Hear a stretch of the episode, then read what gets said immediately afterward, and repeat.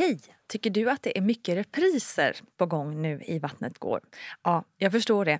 Det beror helt enkelt på att jag, Nina Campioni, just nu har en pop-up second hand i Modgallerian i Stockholm. Så min tid räcker helt enkelt inte tid att göra så många avsnitt som jag hade önskat. Men tills jag är tillbaka på full tid, kom gärna och hälsa på mig i Modgallerian. Vi ses! Man lever liksom i det, man hinner inte ta en paus och se ljuset i tunneln utan man det är så självklart att mm. liksom med blöjor och byten uppe på nätterna och sådär. Det är klart att tre barn på fyra år är väldigt, väldigt intensivt. Välkommen, välkommen kära du till ett nytt avsnitt av Gravidpodden Vattnet går med mig Nina Campioni. Och tjoho! Det är så roligt att ni är så många som lyssnar på den här podden. Det är faktiskt lite sjukt för ni blir bara fler och fler och fler och det kan ju bara betyda att det är för att just du tipsar vidare till dina kompisar. Så tack snälla för det. Herregud, tack så mycket. Alltså verkligen. Från botten av mitt hjärta. Jag uppskattar det enormt. Så fortsätt gärna med det. Eh, och fortsätt gärna komma med feedback och önska gäster och allt sånt där. Och det kan man till exempel göra via Instagram. Så mina vänner, det är då dags för gästen of the hour och det är ingen mindre än min kära vän och kollega Susanne Histrup. Susanne är influencer, entreprenör och fyrabarnsmamma. Det är ni. Så nu blir det snack om storfamiljen, att inte tåla bedövning och en fotboja på Irland. Hmm. Med oss har vi också som vanligt barnmorskan Gudrun Pascal. Varsågod Susanne Histrup.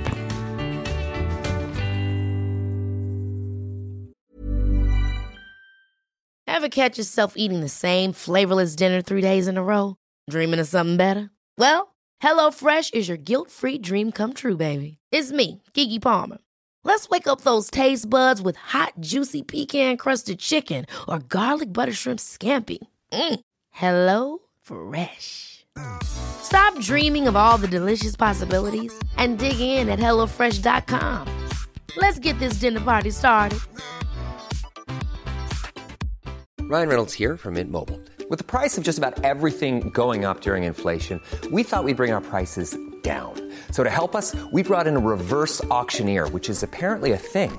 Mint Mobile unlimited premium wireless. Have to get 30, 30, bit to get 30, bit to get 20, 20, 20, bit to get 20, 20, bit to get 15, 15, 15, 15 just 15 bucks a month. So, Give it a try at mintmobile.com/switch. slash $45 up front for 3 months plus taxes and fees. Promo for new customers for limited time. Unlimited more than 40 gigabytes per month slows. Full terms at mintmobile.com. Quality sleep is essential. That's why the Sleep Number Smart Bed is designed for your ever-evolving sleep needs. Need a bed that's firmer or softer on either side? Helps you sleep at a comfortable temperature? Sleep Number Smart Beds let you individualize your comfort so you sleep better together. JD Power ranks Sleep Number number 1 in customer satisfaction with mattresses purchased in-store. And now, save 50% on the Sleep Number limited edition Smart Bed for a limited time. For JD Power 2023 award information, visit jdpower.com/awards. Only at a Sleep Number store or sleepnumber.com. Even on a budget, quality is non-negotiable. That's why Quince is the place to score high-end essentials at 50 to 80% less than similar brands. Get your hands on buttery soft cashmere sweaters from just 60 bucks, Italian leather jackets, and so much more.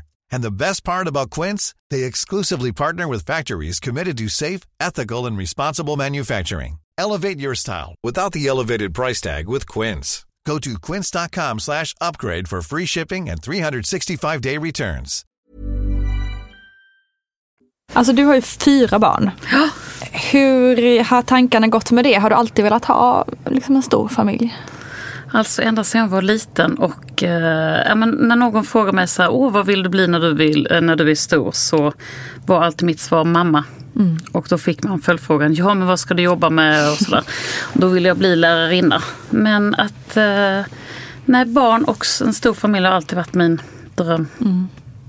Och var det liksom självklart för dig och din man att det skulle bli så? Eller kom ni in i perioder där det bara så här, nej men nu vill vi nog satsa på karriären här istället? Eller så? Nej, han har ju kunnat satsa på karriären för att jag har tagit ett steg tillbaks. Mm. Eh, alltså även om jag har haft mitt babyföretag så jag jobbade ju ganska mycket när de tre första var små. Då åkte jag på babymässor och hade hela vårt lager hemma och packade allt och skjutsade ut allting och hade även med mig barnen på alla mässor som jag var på. Men jag har ändå valt att vara den som tar ett steg tillbaks för att kunna vara hemma.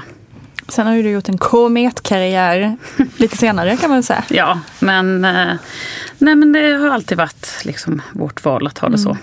Men för fråga då apropå det här, det här är jag faktiskt inte förberett några frågor på utan jag blir bara nyfiken nu. Mm. Just i och med att du nu är liksom en stor influencer och liksom entreprenör på ditt eh, egna varumärke. Men känns det då liksom så här Ja, men alltså jag hamnade ju som, uh, i den här modebranschen av en slump. Jag, uh, våra första tre barn är ju komna på fyra år och då hade jag det här babyföretaget så jag importerade, det var det första i Sverige som tog in den här mugghållaren till barnvagnar, alltså lattehållaren. Aha, och, latte. Uh, exakt, the latte holder. och då fick jag ganska många återförsäljare och press och även Waynes Coffee köpte in till sina. Och sen höll jag på med det ganska länge. Men sen efter när Matilda som är vår nummer tre som nu är 13, men när hon var ett par år så började jag känna så här med det här med babyprodukter och babygrejer att jag började liksom inte tröttna på det men jag hade gjort det i många mm. år eh, och också levt med det eftersom vi har tre små barn. Och då började jag fota mig uppifrån och ner på Instagram och Charlotte Flinkenberg hittade mig där mm. och frågade ifall jag hade en blogg och det hade jag inte. Så började jag blogga där på Chic och sen nu Damernas Sverige och nu är jag min egen. För jag tänker just det där med karriär och så, att du, liksom, du gjorde ett val att ta ett steg tillbaka och så. Men kan det då, för nu känns det också lite som att eh, karriär inte har någon ålder på samma sätt som det kanske var förr. Att man var tvungen att så här, först kan man göra karriär, sen kan man skaffa barn. Eller alltså så. Nu känns det som att man kanske, det är allt fler unga som skaffar barn till exempel. Ja, och, och, tänker att ja, ja, men karriär kan jag göra sen. Känner du? Liksom, men sen är frågan, vad är karriär och vad är mm. karriär? Mm. För någon eh, betyder det någonting eh, speciellt, kanske att tjäna mycket pengar eller ta en fin titel. För någon annan kan karriär vara någonting helt annat. Mm. Och jag har aldrig eh, brytt mig om liksom en titel eller eh, på så sätt definierat mig med att det är min karriär. Liksom. Mm. Utan jag har gjort de jobben som jag har trivts med och då i kombination att jag har kunnat vara den som har varit hemma mycket. Och är det då med jag har tagit ett steg tillbaka och inte gjort sån våldsam karriär, ja då är det ändå det valet och det som vi har valt att göra. Liksom. Du har följt ditt hjärta i hela vägen? Ja, sen tycker jag att det här med influencer, att jag kan jobba med det, det är ju fantastiskt. Man träffar otroligt mycket roliga människor och jag har byggt upp mitt varumärke nu under sju år. Men det har ju också gjort att jag har kunnat hämta och lämna och man kan jobba liksom, göra blogginlägg mm. senare på kvällen. Man kan styra över sin tid. Mm. Och det är väl just att när man är sin egen att du kan styra över din tid vilket har passat liksom, vår familj mm. jättebra. Ja, nu är inte det här någon karriärspodd då, så vi går vidare. Ja. Men det är intressant att höra dina tankar. Som sagt, tre barn på ganska kort tid. Mm. Eh, och jag vet också att några är födda utomlands. Eh, så nu ska vi försöka spinna upp lite minnen från dig. Det är ju ett tag sedan nu. För din äldsta är ju 18. Ja, hon fyller 18 i augusti. Så att vi får, ha, eh, vi får be alla om eh, förståelse för att inte alla detaljer är sylklara Exakt. just nu. Mm. Men vad kan du minnas av din första graviditet? Nej men alltså för det första så när vi bestämde oss för att vi skulle bli gravida, då fanns det, det kanske finns nu också, sådana här ägglossningsstickor. Mm. Eh, så att jag sprang iväg och kissade på eh, sådana. Ja, ni gjorde det redan innan ni hade liksom börjat försöka? Ja, alltså... alltså jag, vi blev gravida liksom på första försöket. Ah. När den visade att nu är du som mest fertil. Ah. Eh, då blev vi gravida. Målinriktade. Ja, målinriktat. Men vet jag, där var liksom Eh, så det var fantastiskt. Så blev jag gravid med Amanda och eh, vi bodde på Söder. Och när jag var i vecka 34 och graviditeten var jättenormal och bra. Men när vi var i vecka 34 så fick jobb, Johan jobb på Irland mm. eh, i Dublin. Så då sa han, nu måste vi flytta. Så då tog vi vårt pick och pack och flyttade över. Alltså innan hon föddes? Ja, för jag var så rädd att han skulle missa det. Ja. Och att jag skulle sitta ensam på SÖS och föda. Så att um, jag kände, nej jag hade faktiskt aldrig varit på, eh, i Dublin eller på Irland tidigare så det var liksom vårt, mitt första besök där. Mm. Eh, och då fick jag sitta och göra research, vilket sjukhus, vilken typ av försäkring som det Johans jobb täckte och sådär. Och då finns det något som heter Holles Street, det är det största ja, sjukhuset som ligger mitt i centrala Dublin som är för förlossningar. Så där kom vi in. Och mm. det var en upplevelse i sig. Ja men i alla fall, så vi, eh, hon ska ju födas där och när man går till sjukhuset så var det som, lite som på efterkrigstiden. Alltså de lyssnade på hennes hjärtljud med en trälupp. Så det blev så stor kontrast för Mamma Mia på Söder till att veckan efter då när vi har flyttat eh, var det lite andra hjälpmedel. Eh, och sen när jag väl skulle föda så låg man i rum med skynken till andra kvinnor. Det var inte liksom ett separat rum utan man låg liksom i ett eh, rum. ehm, En sal med liksom då eller? Nej, det var liksom två, tre rum med sådana här skynken som du var här i din poddinspelning. Eh, och så när vi kom in så var jag inte öppen mer än någon centimeter och då sa de bara så här, nej men vi sätter igång dig. Och det gjorde man för att det var, jag ska inte säga att man födde barn på rullande band, men det var ett annat tempo. Så att då blev jag igångsatt. Får jag fråga bara innan du har kommit så långt. Ja. Alltså, I och med att ni gjorde den här flytten och liksom du kommer till en helt ny, ett helt nytt land med, med liksom en helt annan, en helt annan syn, syn på det här. Liksom. Hur kändes det innan? Alltså, minns du hur... Jag tänker själv att man bara ah, hade lite livrädd. Liksom.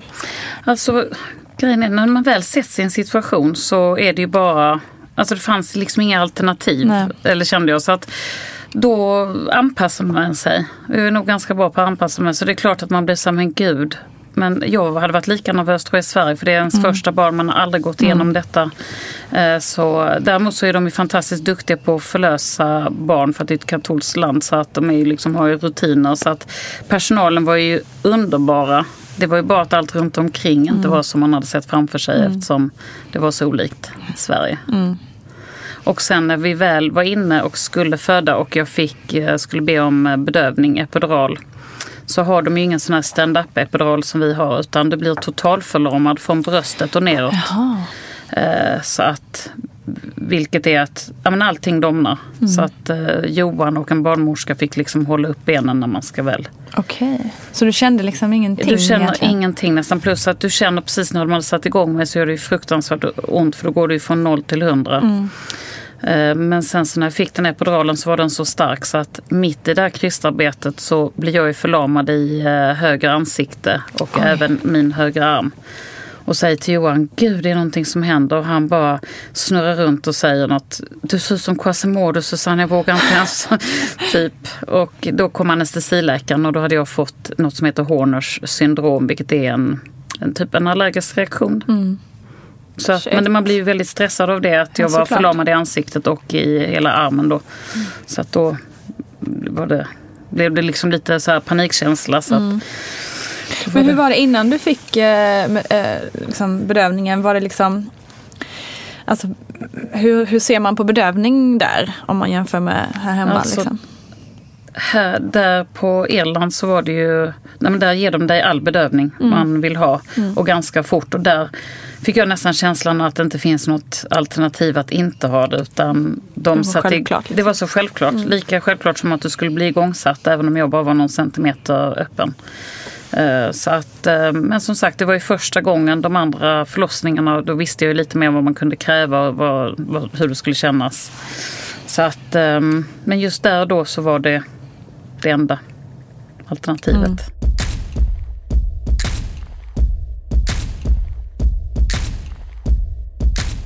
Hur var det då? Liksom, ja, du blev förlamad.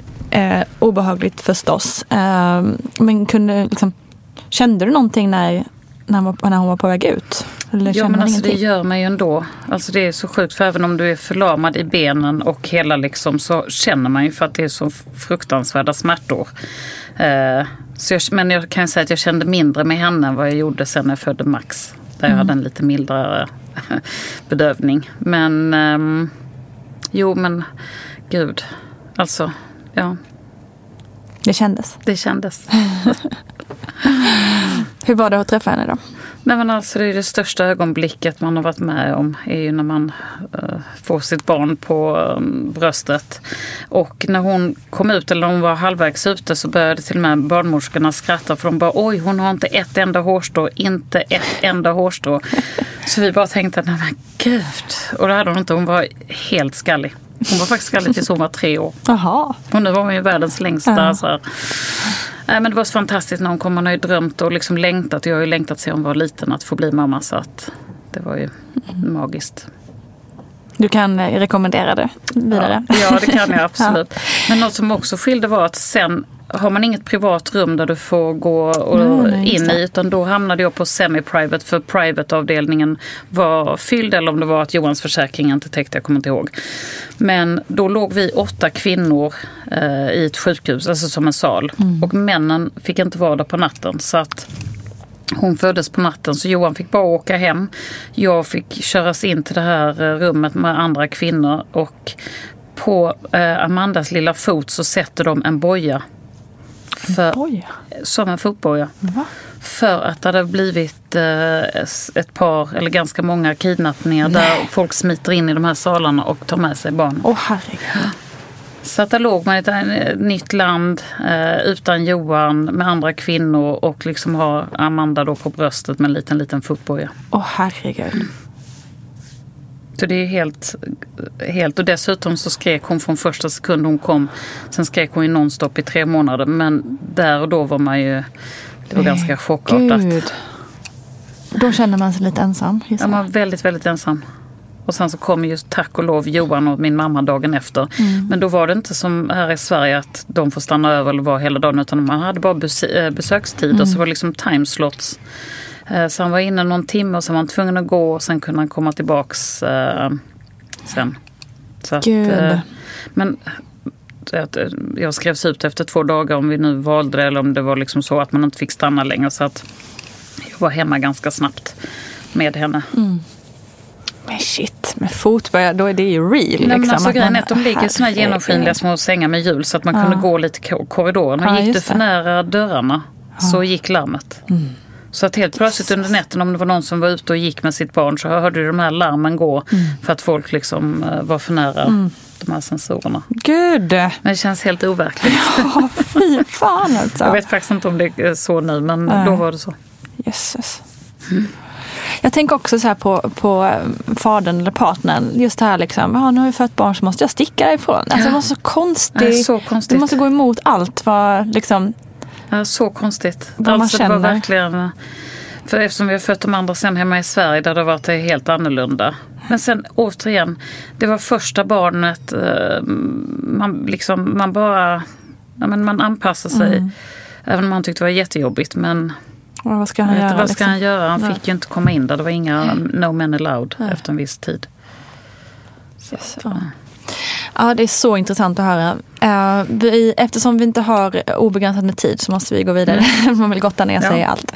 I och med att ni har då fyra barn och så kom det tre ganska tätt. Hur, hur gick tankarna där med hur liksom planeringen av barn, barnen? Nej, men alltså, jag kände ganska snabbt att jag ville ha i alla fall en, alltså, nummer ett och två ganska tajt. Så att när Amanda var 9-10 månader så blev vi gravida med Max. Eh, Så att det är 19 månader mellan dem. Ehm, och sen efter Max hade jag faktiskt ett missfall. Annars skulle det kommit en som var ännu tätare.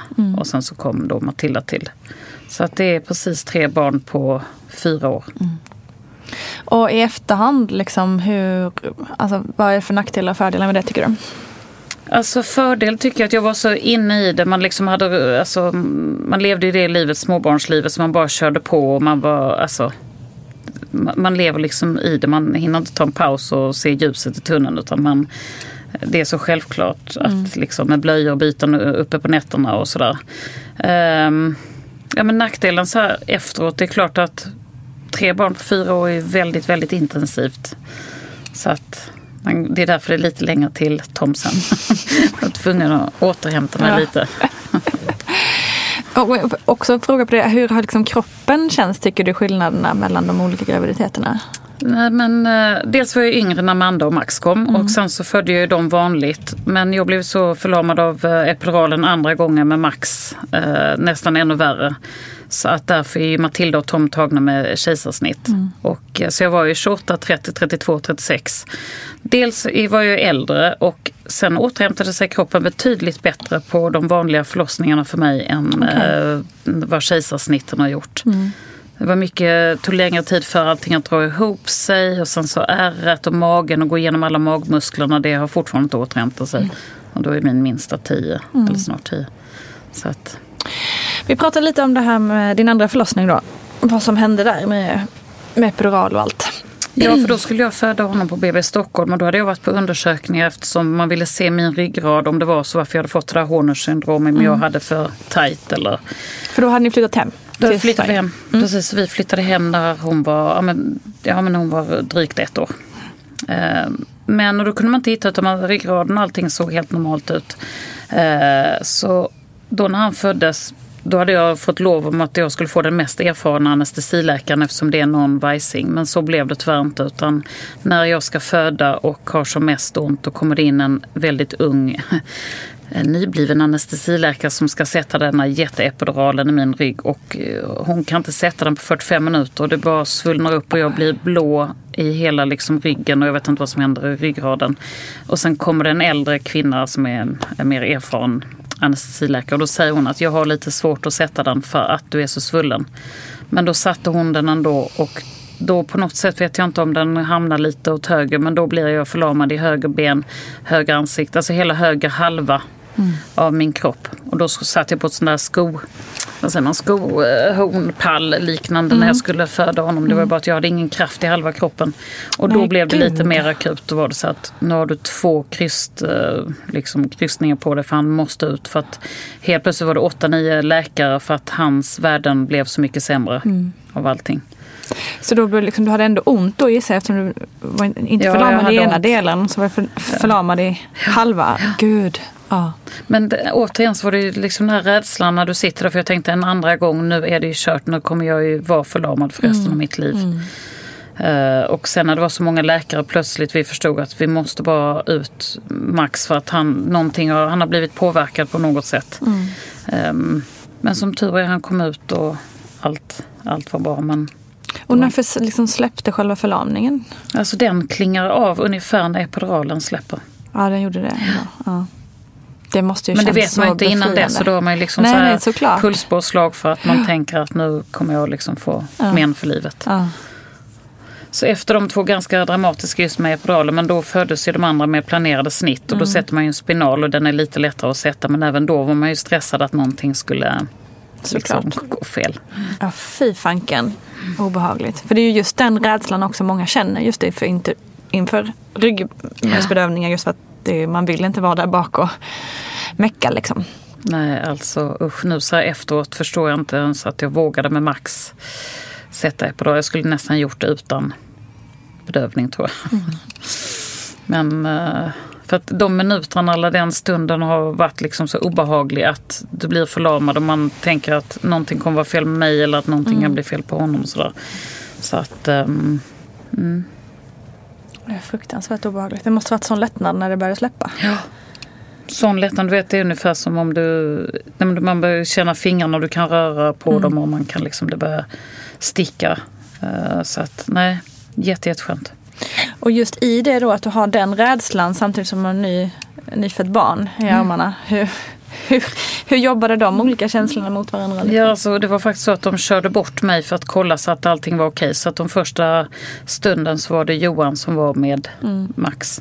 Så jag fick inte ha honom eh, då utan jag kördes iväg någonstans för att se så att allting var okej, vilket det var. Men så jag var borta någon timme från honom faktiskt. De första så. Hur kändes det? Ja men det är ju såklart. Det gör ju ont i ett mammahjärta.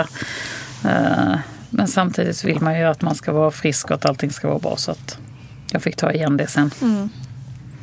Det gick ju bra som tur eller?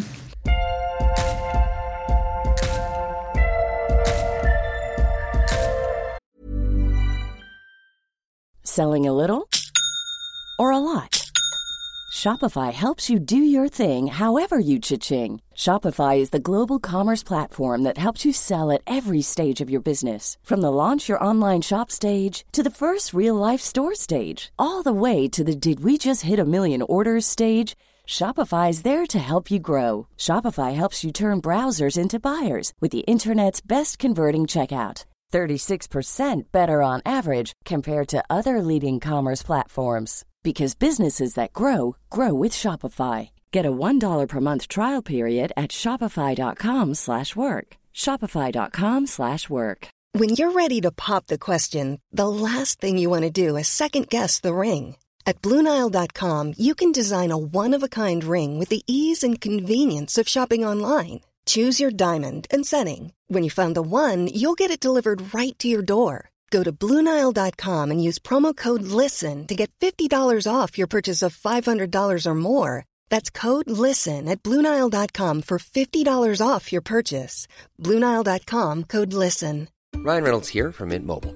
With the price of just about everything going up during inflation, we thought we'd bring our prices down. So to help us, we brought in a reverse auctioneer, which is apparently a thing. Mint Mobile unlimited premium wireless. Ready to get 30, 30, bit to get 30, bit to get 20, 20, 20, bit to get 20, 20, bit to get 15, 15, 15, 15 just 15 bucks a month. So, Give it a try at mintmobile.com slash switch. $45 upfront for three months plus taxes and fees. Promo rate for new customers for limited time. Unlimited more than 40 gigabytes per month. Slows. Full terms at mintmobile.com. Hey, it's Ryan Reynolds, and I'm here with Keith, co-star of my upcoming film, If, only in theaters May 17th. Do you want to tell people the big news? All right, I'll do it. Sign up now and you'll get unlimited for $15 a month in six months of Paramount Plus Essential Plan on us. Mintmobile.com slash switch. Upfront payment of $45 equivalent to $15 per month. Unlimited over 40 gigabytes per month. Face lower speeds. Videos at 480p. Active Mint customers by 531.24 get six months of Paramount Plus Essential Plan. Auto renews after six months. Offer ends May 31st, 2024. Separate Paramount Plus registration required. Terms and conditions apply if rated PG. Hey there, it's Michelle Norris. I'm host of a podcast called Your Mama's Kitchen. When I travel, I'm usually looking for a way to find a taste of home when I'm not at home. And one of the things I love to do when I am at home is entertain. And Airbnb allows me to do that. When I was in California recently, I rented a house that had a great kitchen. And when we were sitting around the table, we we're all thinking, we're in someone else's house. Someone could be in all of our homes as well. If you have a home, but you're not always at home, you have an Airbnb. Your home might be worth more than you think. Find out how much at airbnb.com/slash host.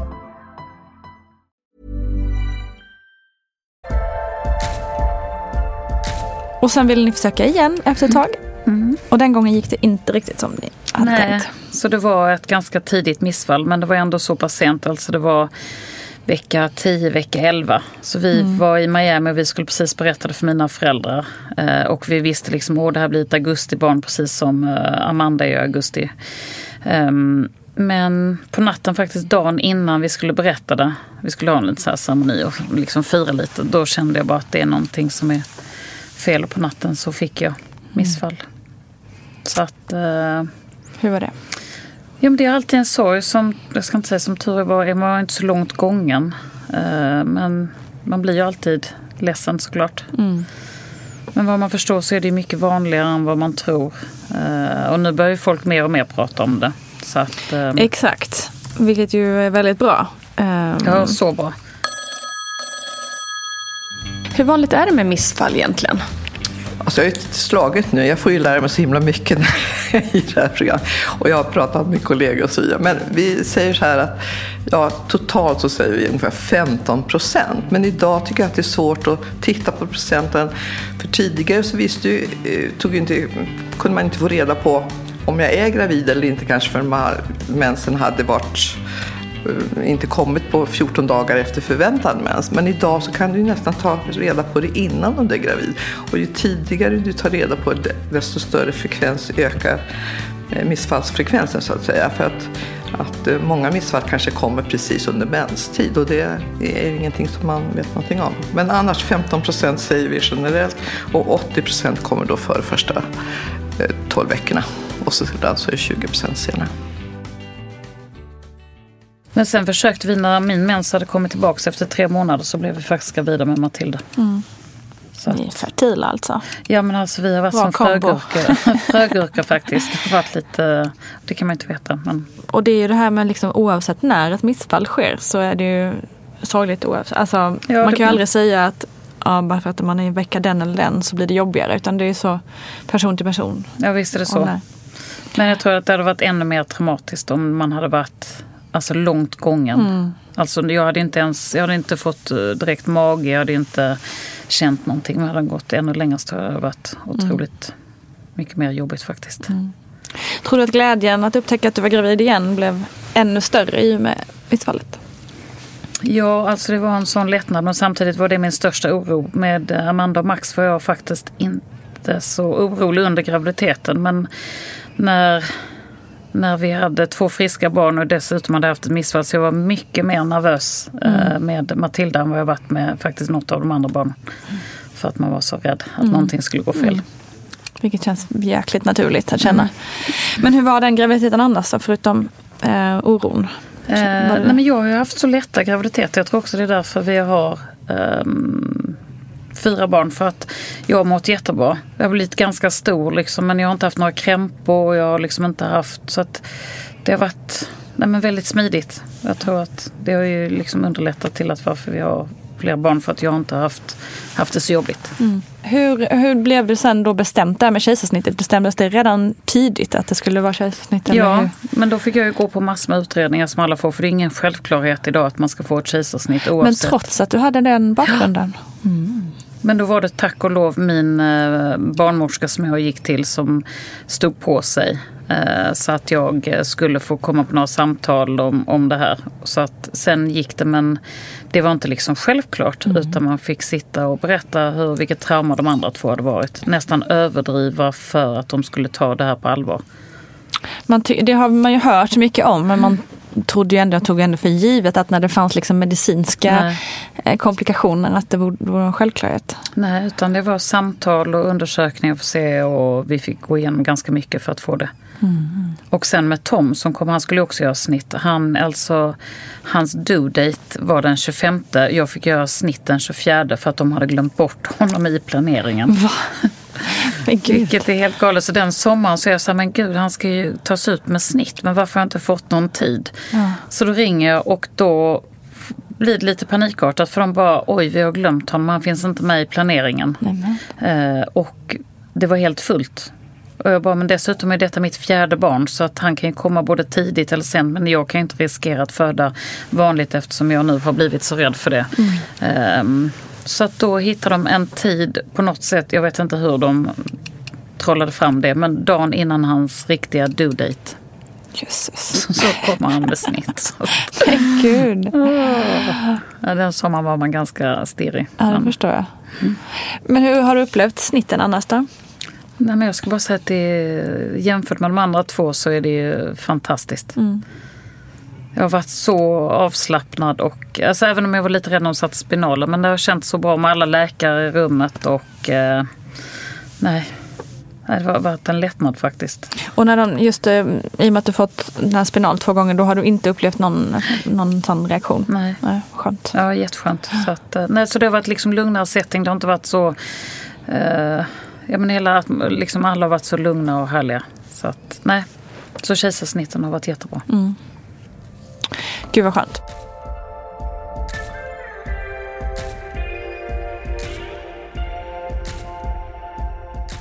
Just i och med att du har då fyra barn. Eh, Jag hör ofta vänner och även mina egna tankar har gått så när man har liksom fått eh, kanske barn nummer två eller nummer tre och sådär. Så, tän- så är det många som tänker Gud, hur ska jag kunna älska någon mer än jag älskar mitt första barn och så vidare. Eh, vad skulle du säga till det som har två eller fyra barn?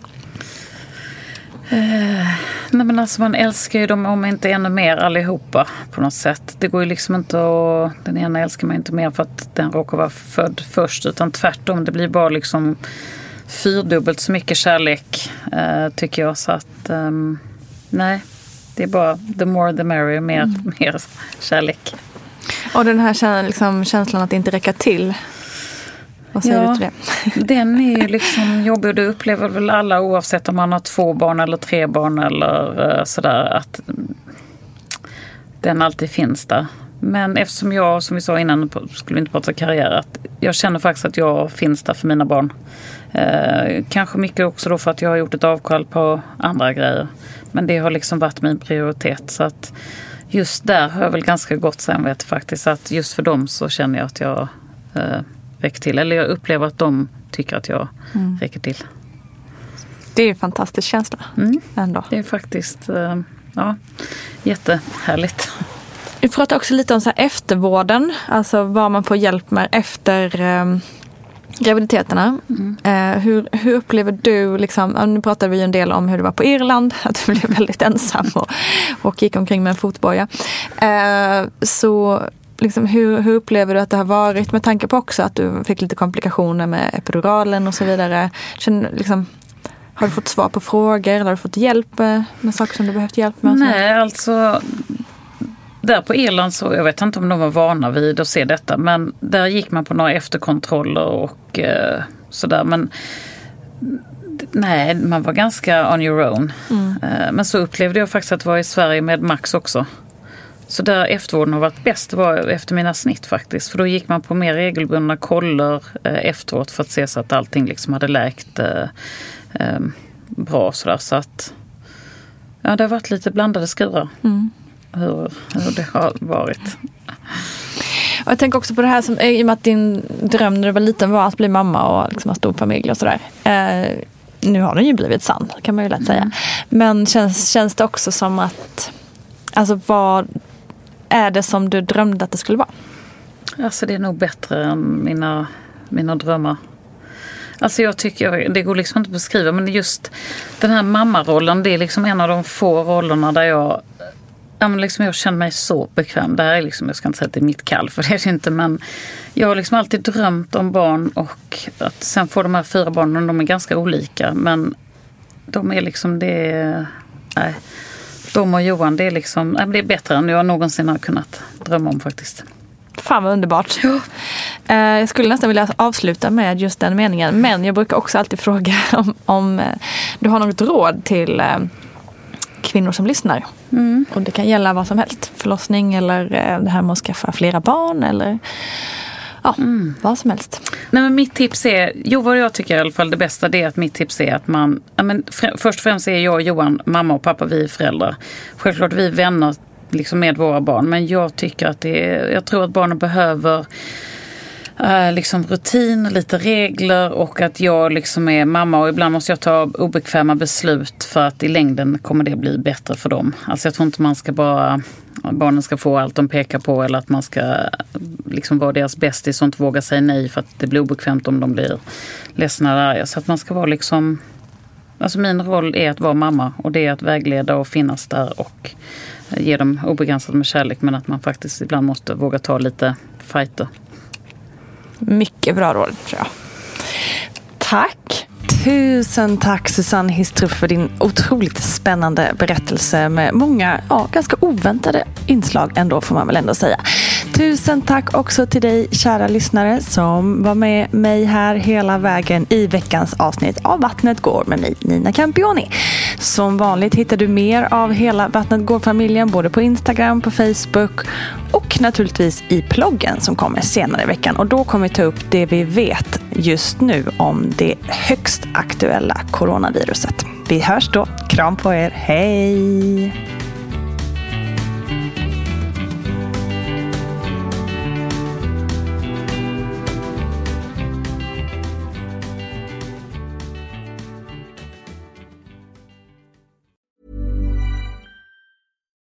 Deserves the best, and there's no better place to shop for Mother's Day than Whole Foods Market. They're your destination for unbeatable savings, from premium gifts to show-stopping flowers and irresistible desserts. Start by saving 33% with Prime on all body care and candles. Then get a 15-stem bunch of tulips for just $9.99 each with Prime. Round out Mom's menu with festive rosé, irresistible berry chantilly cake, and more special treats. Come celebrate Mother's Day at Whole Foods Market. Hold up. What was that? Boring. No flavor. That was as bad as those leftovers you ate all week. Kiki Palmer here, and it's time to say hello to something fresh and guilt-free. Hello Fresh. Jazz up dinner with pecan-crusted chicken or garlic butter shrimp scampi. Now that's music to my mouth. Hello Fresh. Let's get this dinner party started. Discover all the delicious possibilities at hellofresh.com. Hi, I'm Daniel, founder of Pretty Litter. Cats and cat owners deserve better than any old-fashioned litter. That's why I teamed up with scientists and veterinarians to create Pretty Litter. Its innovative crystal formula has superior odor control and weighs up to 80% less than clay litter. Pretty Litter even monitors health by changing colors to help detect early signs of potential illness. It's the world's smartest kitty litter. Go to prettylitter.com and use code ACAST for 20% off your first order and a free cat toy. Terms and conditions apply. See site for details. Even when we're on a budget, we still deserve nice things. Quince is a place to scoop up stunning high-end goods for 50 to 80% less than similar brands. They have buttery soft cashmere sweaters starting at $50, luxurious Italian leather bags, and so much more. Plus, Quince only works with factories that use safe, ethical, and responsible manufacturing. Get the high-end goods you'll love without the high price tag with Quince. Go to quince.com/style for free shipping and 365-day returns.